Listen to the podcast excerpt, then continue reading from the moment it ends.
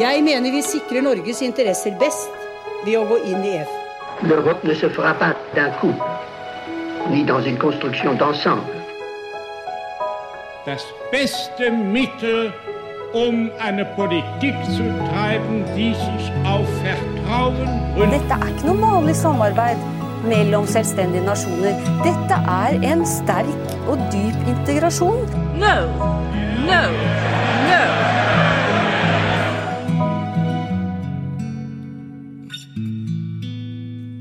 Velkommen til den 16. episoden av Det europeiske kvarter, en podkast om europeisk politikk og historie av Lise Rye og meg, Kristine Graneng, ved Europastudier på NTNU.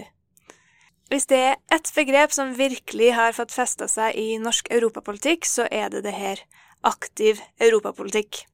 Og det kommer ikke som noen overraskelse at det begrepet også dukka opp i Hurdalsplattformen. For der sier Støre-regjeringa at de vil føre en aktiv europapolitikk på et bredt felt for å ivareta norske interesser. Men hva er det egentlig som ligger i begrepet? Hvorfor denne aktive europapolitikken, og hvilket handlingsrom er det egentlig for å føre en sånn politikk? I dag så har vi også fått med oss en gjest, ikke i studio denne gangen, men på linje fra Sørlandet. Det er Anne Elisabeth Stie, som er førsteamanuensis ved Universitetet i Agder. Velkommen, Anne Elisabeth. Tusen takk, veldig gøy å få være med. Bakgrunnen for at vi har invitert deg hit i dag, det er jo at du har forska mye på beslutningsprosesser i EU og de demokratiske implikasjonene av dem, men også at du har skrevet en del om norsk europapolitikk med noe av det samme perspektivet. Og vi må starte med å snakke litt om hva denne aktive europapolitikken er. Hva er det egentlig som ligger i begrepet, eh, og hvorfor har norske regjeringer denne ambisjonen? Ja, aktiv europapolitikk fant jeg jo ut, og er jo et begrep som er eldre enn EØS-avtalen. Eh, og dette historiske vet nå kanskje du mer om enn meg her, Lise. Men som jeg fant ut av Europautredningen, så ble det lansert av Trygve Bratteli på 1970-tallet etter den første eh, folkeavstemningen om, om EU, eller EF. Men hvis vi skal ta det til i dag, så handler det jo eh, selvsagt Det kan jo handle om forskjellige ting, men i denne sammenhengen så betegner vi den politikken som eh, den til enhver tid sittende regjering fører overfor EU. Og alle norske regjeringer har jo etter 1994 hatt som mål å føre en såkalt aktiv europapolitikk. Man skal vise at man på en måte bruker dette berømte handlingsrommet som finnes innenfor de rammene av den tilknytningsformen som Norge har valgt, altså denne EØS-modellen. Og alle de eh, norske regjeringsplattformene, eh, iallfall de fire siste, har jo eh, et sånt uttalt mål om at man skal drive en aktiv europapolitikk, uten at man liksom spesifiserer sånn kjempenøye hva det egentlig inneholder. Eh, og det kan jo skrive seg tilbake til at nettopp det å skulle føre en aktiv europapolitikk, det er jo et lite paradoks, gitt de rammene vi har fått. Det er jo et dilemma hvordan um, altså selve innretningen på EØS-modellen som er så begrensende, og som ikke gir oss politisk representasjon i EU-systemet, skal kunne gjøre at vi kan ha en sånn Eh, en aktiv, altså føre en aktiv europapolitikk overfor EU og i EU-systemet. Så når vi ikke har innpass på politisk nivå, vi har jo ikke norske representanter eller politiske representanter i verken i ministerråd, i Europaparlamentet eller i EU-domstolen, så er det jo på en måte begrensa hvor mye politikk man, eh, man, kan få til da.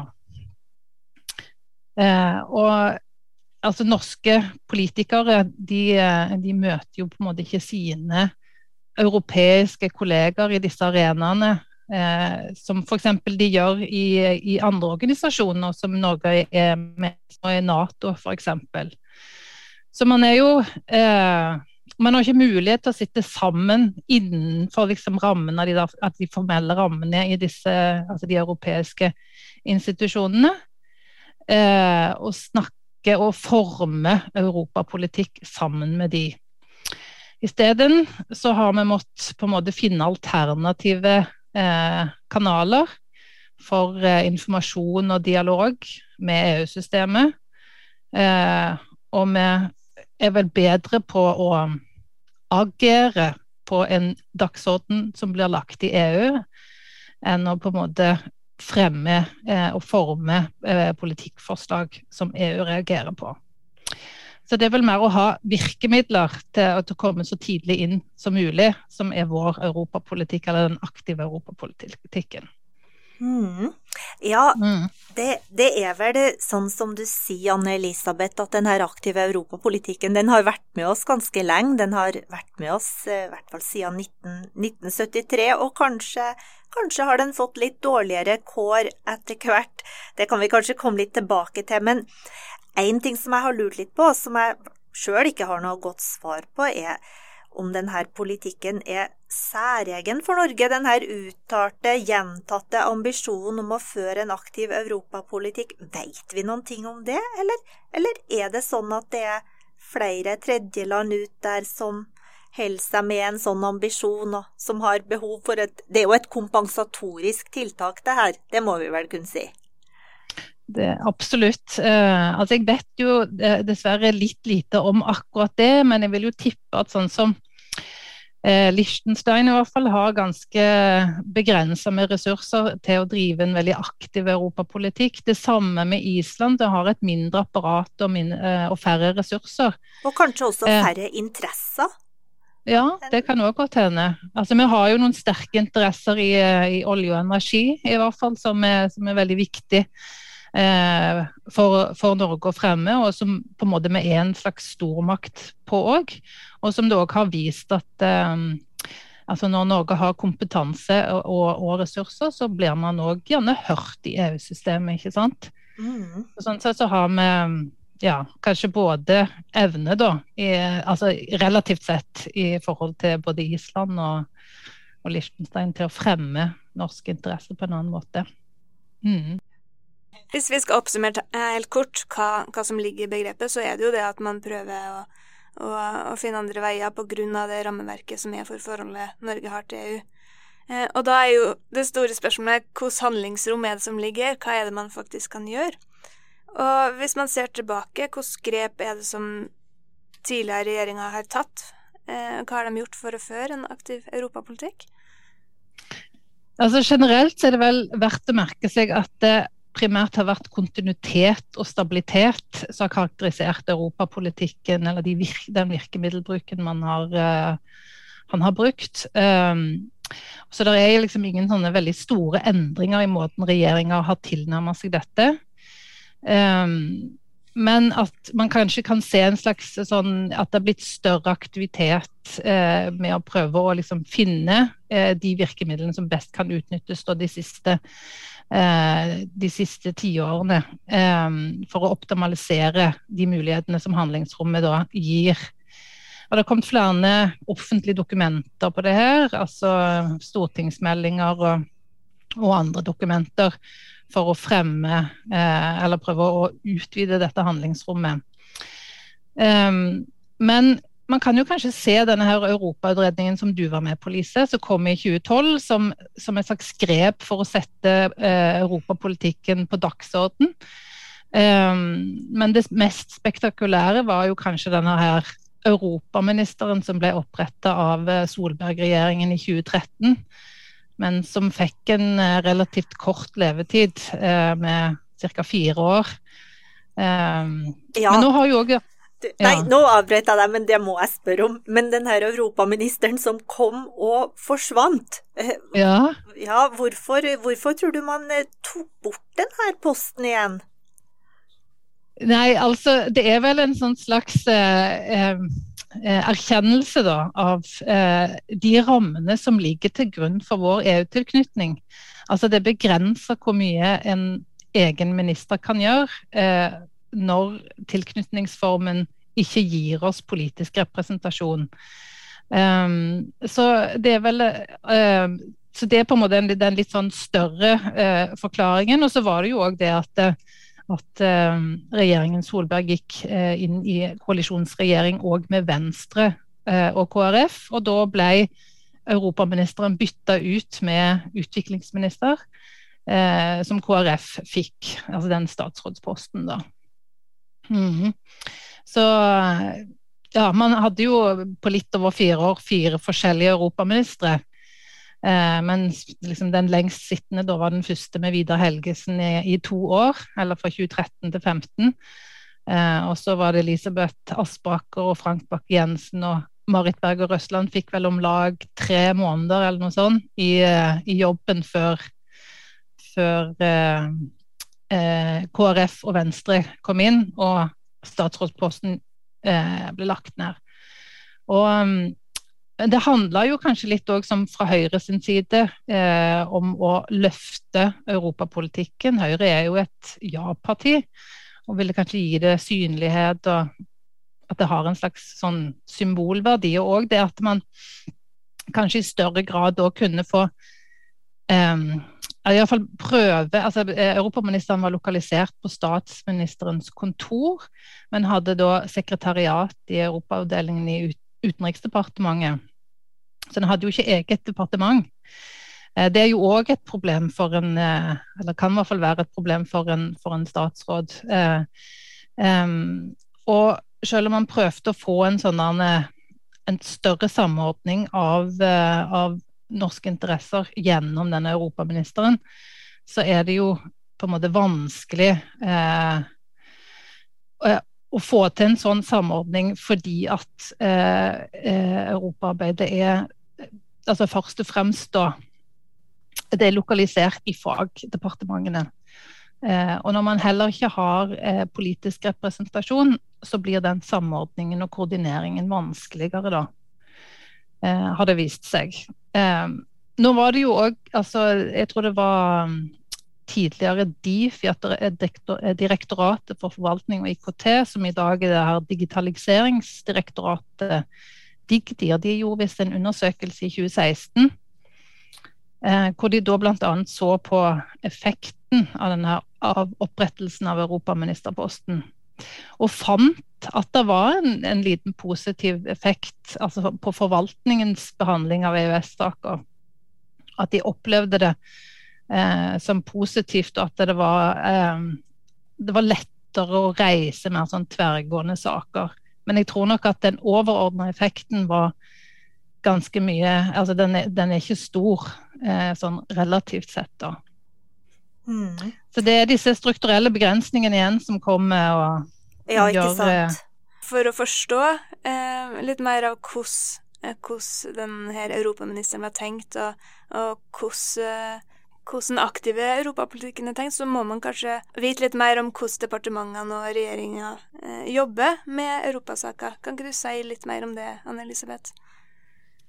Ja, altså siden vi da ikke er fullt medlem, så er det jo først og fremst forvaltningen som eh, forvalter europapolitikken.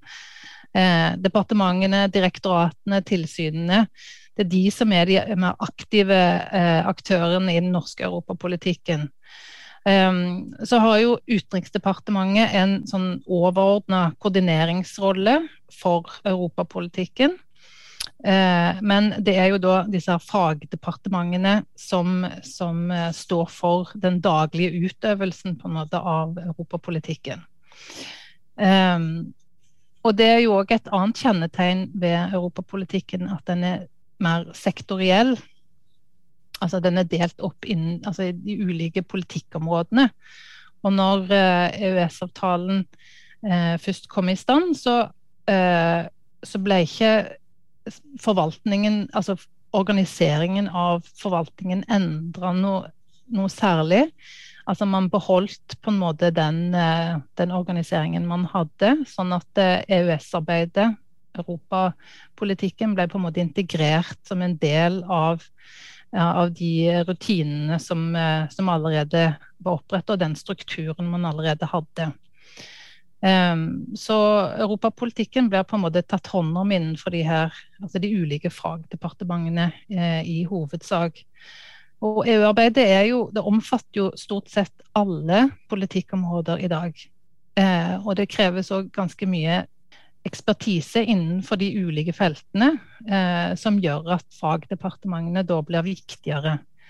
Og UD ønsker jo på en måte å ha dette her overordna samordnings- og koordineringsansvaret, og har jo òg det formelt. Men eh, man ser jo òg gjennom undersøkelser at, at eh, byråkrater eh, og tjenestemenn altså man eh, altså Uformelt så, så skjer eh, så har de e, egne kontakter inn mot eh, EU-institusjonen primært, og kommisjonen og, og de ulike EU-byråene.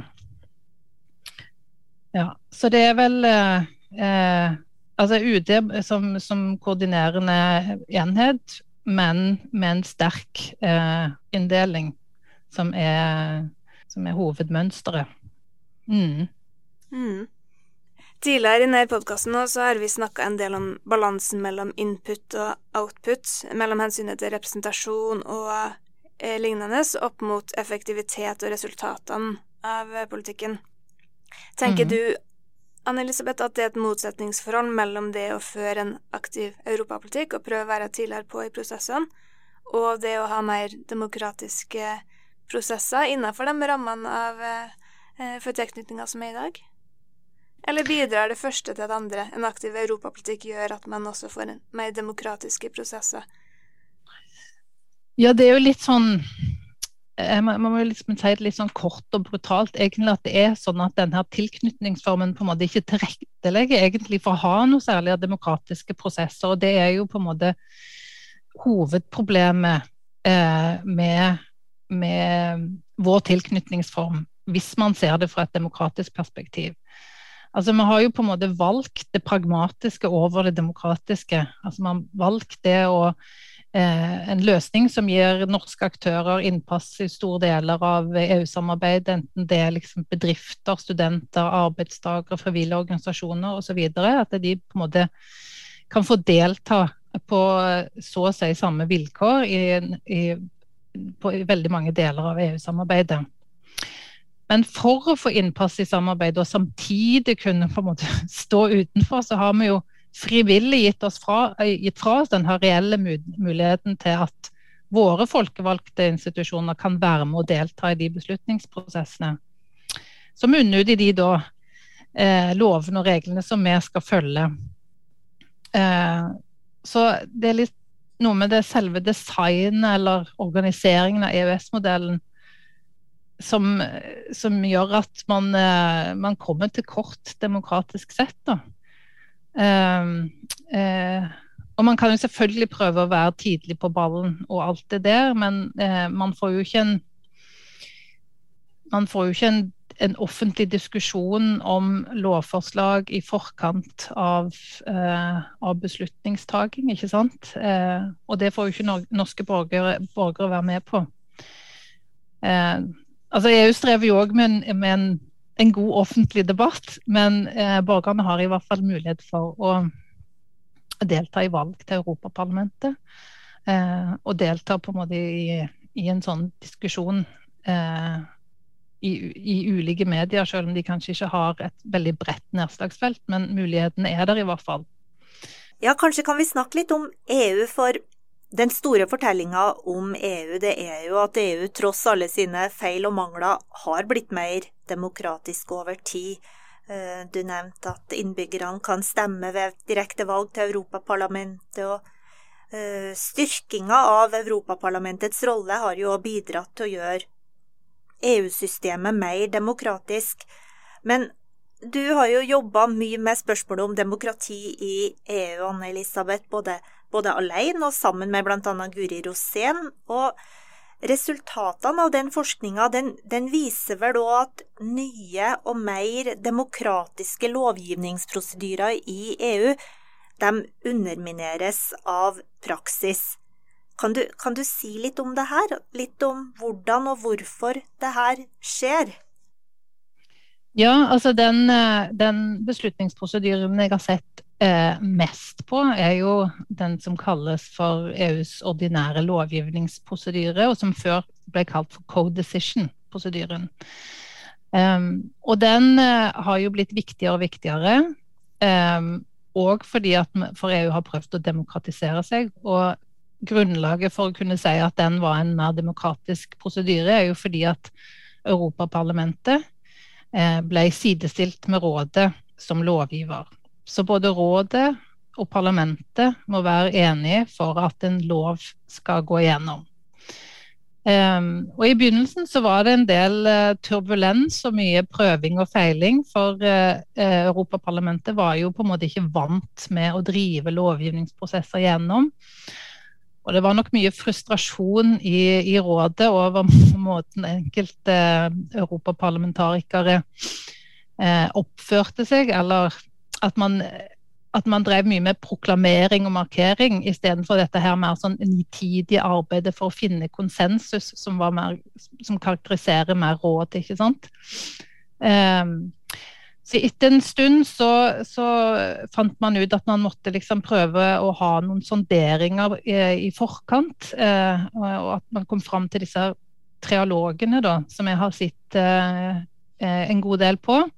Og trialoger, eh, det er fordi at det er tre parter involvert i disse typer samtaler. Det er rådet og det parlamentet, men òg EU-kommisjonen er med i den. Eh, og da er det et redusert antall av aktører fra hver av disse her tre institusjonene som møtes for å sondere og for å diskutere, for å se hvor hverandres posisjoner står, og hvor det er grunnlag for enighet. Um, og I begynnelsen så, så, gikk disse her trialogene litt sånn under radaren. og Etter hvert som så fikk man på en måte liksom øye på det og vite hvor det egentlig var eh, lovgivningsarbeidet eh, foregikk. Og så har man òg sett en sånn veldig endring mot å ha eh, eh, det som man kaller for førstelesningsavtaler. Altså den alminnelige eh, lovgivningsprosedyren, den kan bestå av opptil tre, eh, eh, tre steg. Eh, mens det som man så etter at man fikk etablert eh, trialogen, og at de ble litt enda bedre innarbeida, så var det veldig mange avtaler som ble gjort etter første lesning.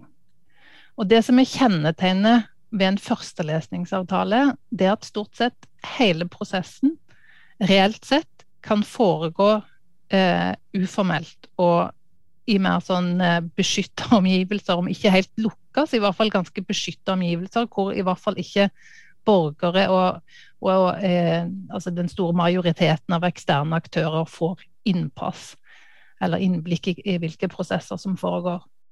Eh, kan vi, kan vi, da si at det her er egentlig i praksis et, et, skritt tilbake i retning mer sånn som EU var før? At det er mer effektivt, men mindre demokratisk? Ja, men med litt, eh, litt eh, Man må modifisere det eh, egentlig litt. Fordi at eh, hvis man nå tenker at man, ja, man har disse fastlesningsavtalene, og opp mot 90% av avtalene eh, blir eh, eller kommer i stand på denne måten, hvor man på en måte har mer en sånn en, en, bare en formell prosedyre altså i Europaparlamentets plenarsesjon, da, hvor man blir Eller hvor man, hvor man vedtar eh, loven. Men eh, det har jo kommet en god del kritikk av denne, eh, denne praksisen. Og spesielt Europaparlamentet har jo prøvd å bøte eh, på noe av den kritikken som har kommet, eh, om at det er for lukka, lite transparent eh, og lite inkluderende. Så det de har gjort, er å, å sikre at ikke bare den som er rapportør for en for et lovforslag, altså den som på en måte fører i pennen Europaparlamentets eh, posisjon, eh, og eller eh, komitélederen deltar i trialogene. Men at alle de politiske grupperingene i parlamentet har en representant med i det som de kaller for negotiating team, eller forhandlingsteamet, som på en måte Eh, eh, deltar på trialogene. Da.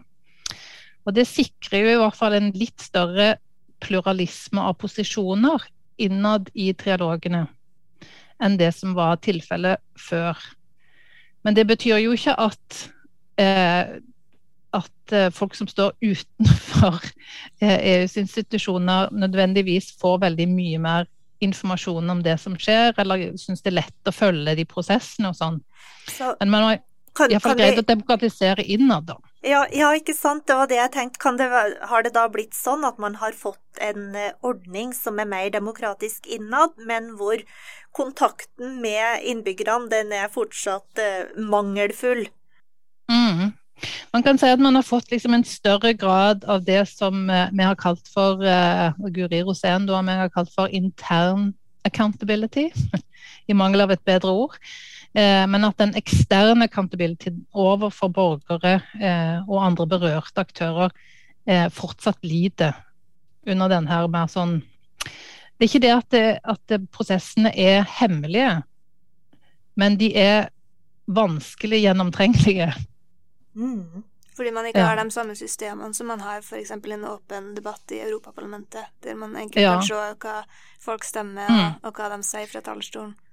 Mm, altså det er viktig å si at de har jobber med å, å, å, få på plass en praksis som, som, som, gjør at du må ha et mandat fra eh, Europaparlamentets komité som er ansvarlig for, eh, eh for, et lovforslag, og at det må godkjennes i plenarsesjonene eh, før de kan gå inn i, eh, i forhandlinger.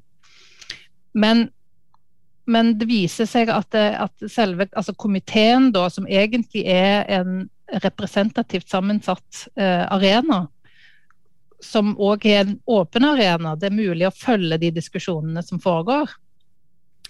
Eh, altså Der følger ikke europaparlamentarikerne like godt opp liksom, å stille kritiske spørsmål når dette her forhandlingsteamet da kommer tilbake for å presentere utfallet av trialogene.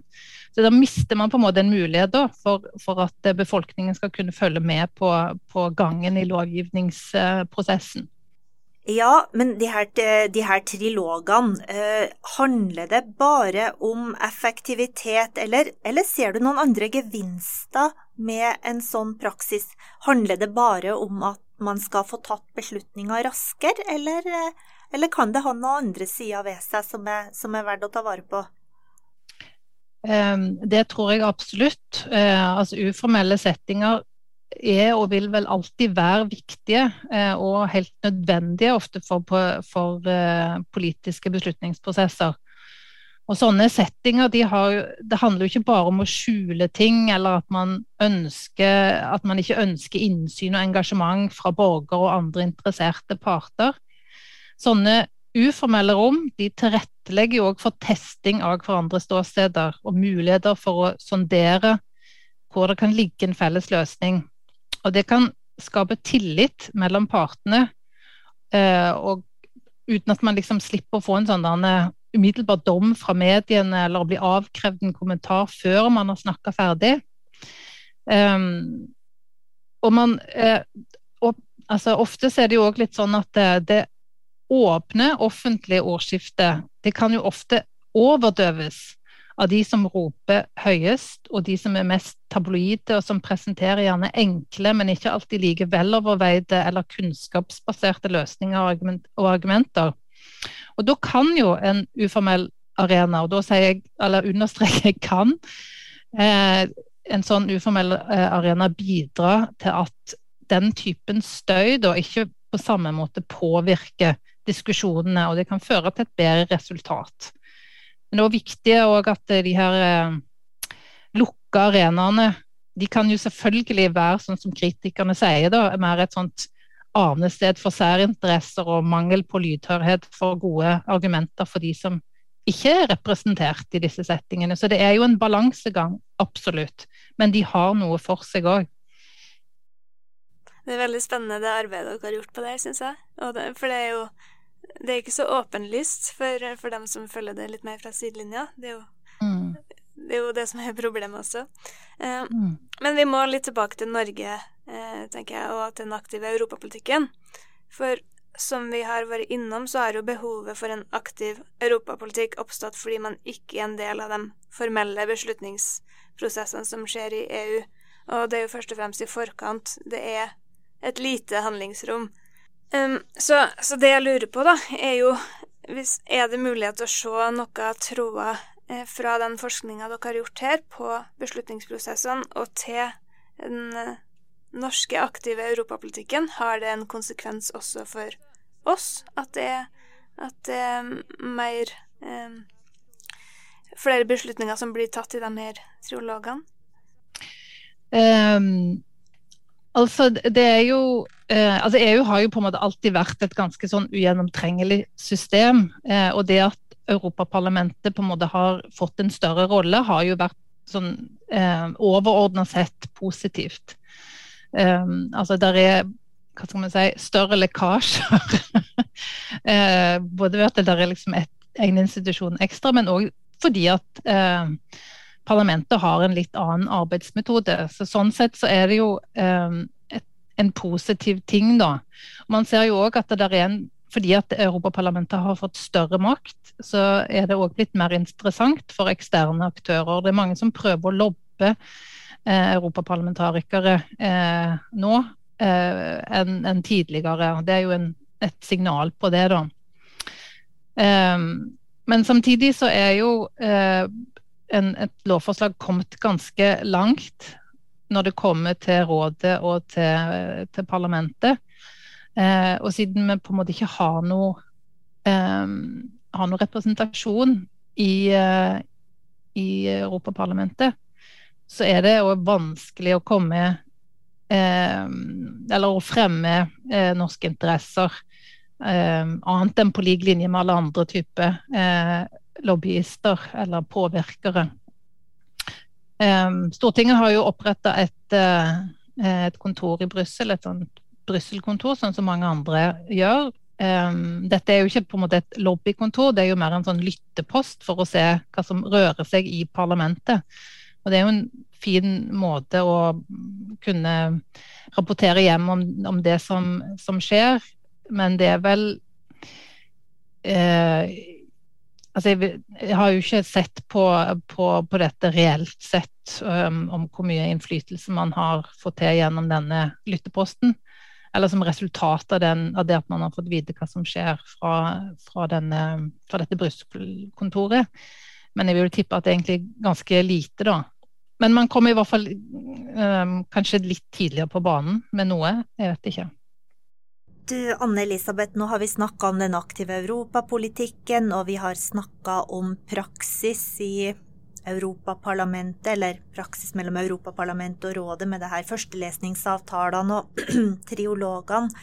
Eh, en ting som vi glemte å komme inn på, Kristine, det er vel det her med at eh, når tempoet skrus opp i EU, som det ofte gjør i forbindelse med kriser hvor behovet for å handle raskt blir sterkere, så gir det òg enda mindre rom for Norge til å utøve den aktive europapolitikken for de her rommet for de her komitéprosessene hvor Norge kan delta, det blir, det blir mindre. Eh, men sånn, hvis jeg kan spørre deg et spørsmål til slutt, ser du noen andre veier til en aktiv europapolitikk innenfor den eksisterende tilknytninga er det noen muligheter som ikke er utforska? Jeg skjønner at det blir å spekulere litt, men eller er det såpass tydelig hvilke grenser eh, EØS-avtalen som tilknytning setter, at det, at det begrenser hva man kan få til? Jeg tror nok dessverre det er sånn som, du, som du sier. Det er nok begrenser hva man kan få til gjennom den tilknytningsavtalen vi har, eller den modellen vi har. Um, og EU har jo altså Ikke bare det at ting går kanskje fortere, men det er òg at eh, EU har jo på en måte blitt rammet av veldig mange forskjellige typer hendelser og kriser de siste årene som gjør at man på en måte har oppmerksomheten et annet sted. Um, Altså Én ting er jo at eh, EU har fordobla medlemstallet sitt, så å si, siden vi gikk inn i eh, eh, inngikk EØS-avtalen. Og Det gjør jo at det må være flere synspunkter å, å forholde seg til og ta hensyn til. Um, og da er det jo vanskeligere for norske posisjoner på en måte å bli inkorporert hvis man er uenig, da. Hvis man er enig med noen, så er det jo lettere å henge seg på det. Og så En annen ting er det jo òg eh, at, eh, at, at, man har fått flere politikkområder som EU har fått, eh, eh, fått myndighet på. Europaparlamentet har fått mer makt, så det er flere institusjoner som er involvert. Eh, man har også fått, eh, flere EU-byråer som også er involvert i, i politikken. Um, sånn at den utøvende makt er på en måte spredd på flere institusjoner. Um, så det er jo liksom en sånn kamp om fokus og oppmerksomhet. Um, og så har du disse her krisene, altså eurokrisen, migrasjonskrise, Ukraina, demokratisk tilbakegang i Ungarn, Polen og andre EU-land, brexit, covid-19. Så det stiller jo enda høyere krav måte til, EU, nei, til Norge for å kunne samordne nasjonale posisjoner for å kunne fremme de overfor eh, EU. Og En annen ting er også det at EU nå vedtar i større grad mer sånn sektorovergripende lovpakker som, som, berører flere politikkområder. Og I tillegg til at liksom Lisboa-traktaten har fjerna søylestrukturen, så er det vanskeligere ofte å få, å få, øye på hva som er EØS-relevant, og hva som ikke er det. Og Det kompliserer jo på en måte situasjonen litt sånn ytterligere for Norge, da. Å skulle komme i inngrep eh, med, sine, med, med, sine, synspunkter og, og, ønsker. Så det er jo liksom en rodete, terreng. EU har endra seg, verden har endra seg, og dem som en gang var gode på EØS-avtalen i Brussel, de har vel stort sett dratt hjem. Mm. Mot et sånt bakteppe som det du drar opp nå, med alle de krisene som EU har stått i og står i, så er det lett å forstå at EØS-avtalen eh, At det må være vanskelig for norske aktører å få oppmerksomhet om EØS-avtalen bredt forstått i Brussel i dag. Mm. Ja, altså jeg vil si at jeg tror altså De som jobber inn mot EU-systemet, er jo eh, De tror jeg på en måte gjør det de kan innenfor de begrensningene som finnes. Jeg tror ikke det er noen sånn grunn til å tro at, at man liksom har et veldig stort ubrukt handlingsrom eh, som, som, ikke norske politikere og byråkrater anvender i dag. Jeg tror de gjør en veldig god jobb, og de er godt informert om, om det de mm. kan være godt informert om, eh, og gjør det de kan. Men det er liksom en mm, begrensning i vår, vår, måte å um, ha tilknytta oss EU. og det er jo et valg vi har tatt. Det er et valg vi har tatt, og det er et handlingsrom mm. som snevres inn av eh, begivenheter utenfor Norges kontroll. Hvis vi går tilbake til der vi starta i denne episoden, eh, så blir det jo spennende å se om, om eh, Støre-regjeringa vil fortsette på samme linja som har blitt lagt siden EØS-avtalen kom på plass, egentlig, eller om de vil prøve seg på noen nye spenstige grep for å, for å få gjennomført en mer aktiv europapolitikk. Ja, tviler jo på det, men de har jo bebuda en ny utredning om uh, de ti siste årene, altså erfaringene med de ti siste årene med, med EØS. Og så ønsker de òg å se på erfaringer fra tredjeland som er utenfor EU. Så er jo, altså, dette er jo et herlig kompromiss fra de uh, to regjeringspartiene som sitter eh, i regjering i dag. Så det, jeg tror det er same procedure. Vi får vente i spenning, men det, men det er nok det. Tusen takk for praten, Anne Elisabeth. Veldig hyggelig å få være med.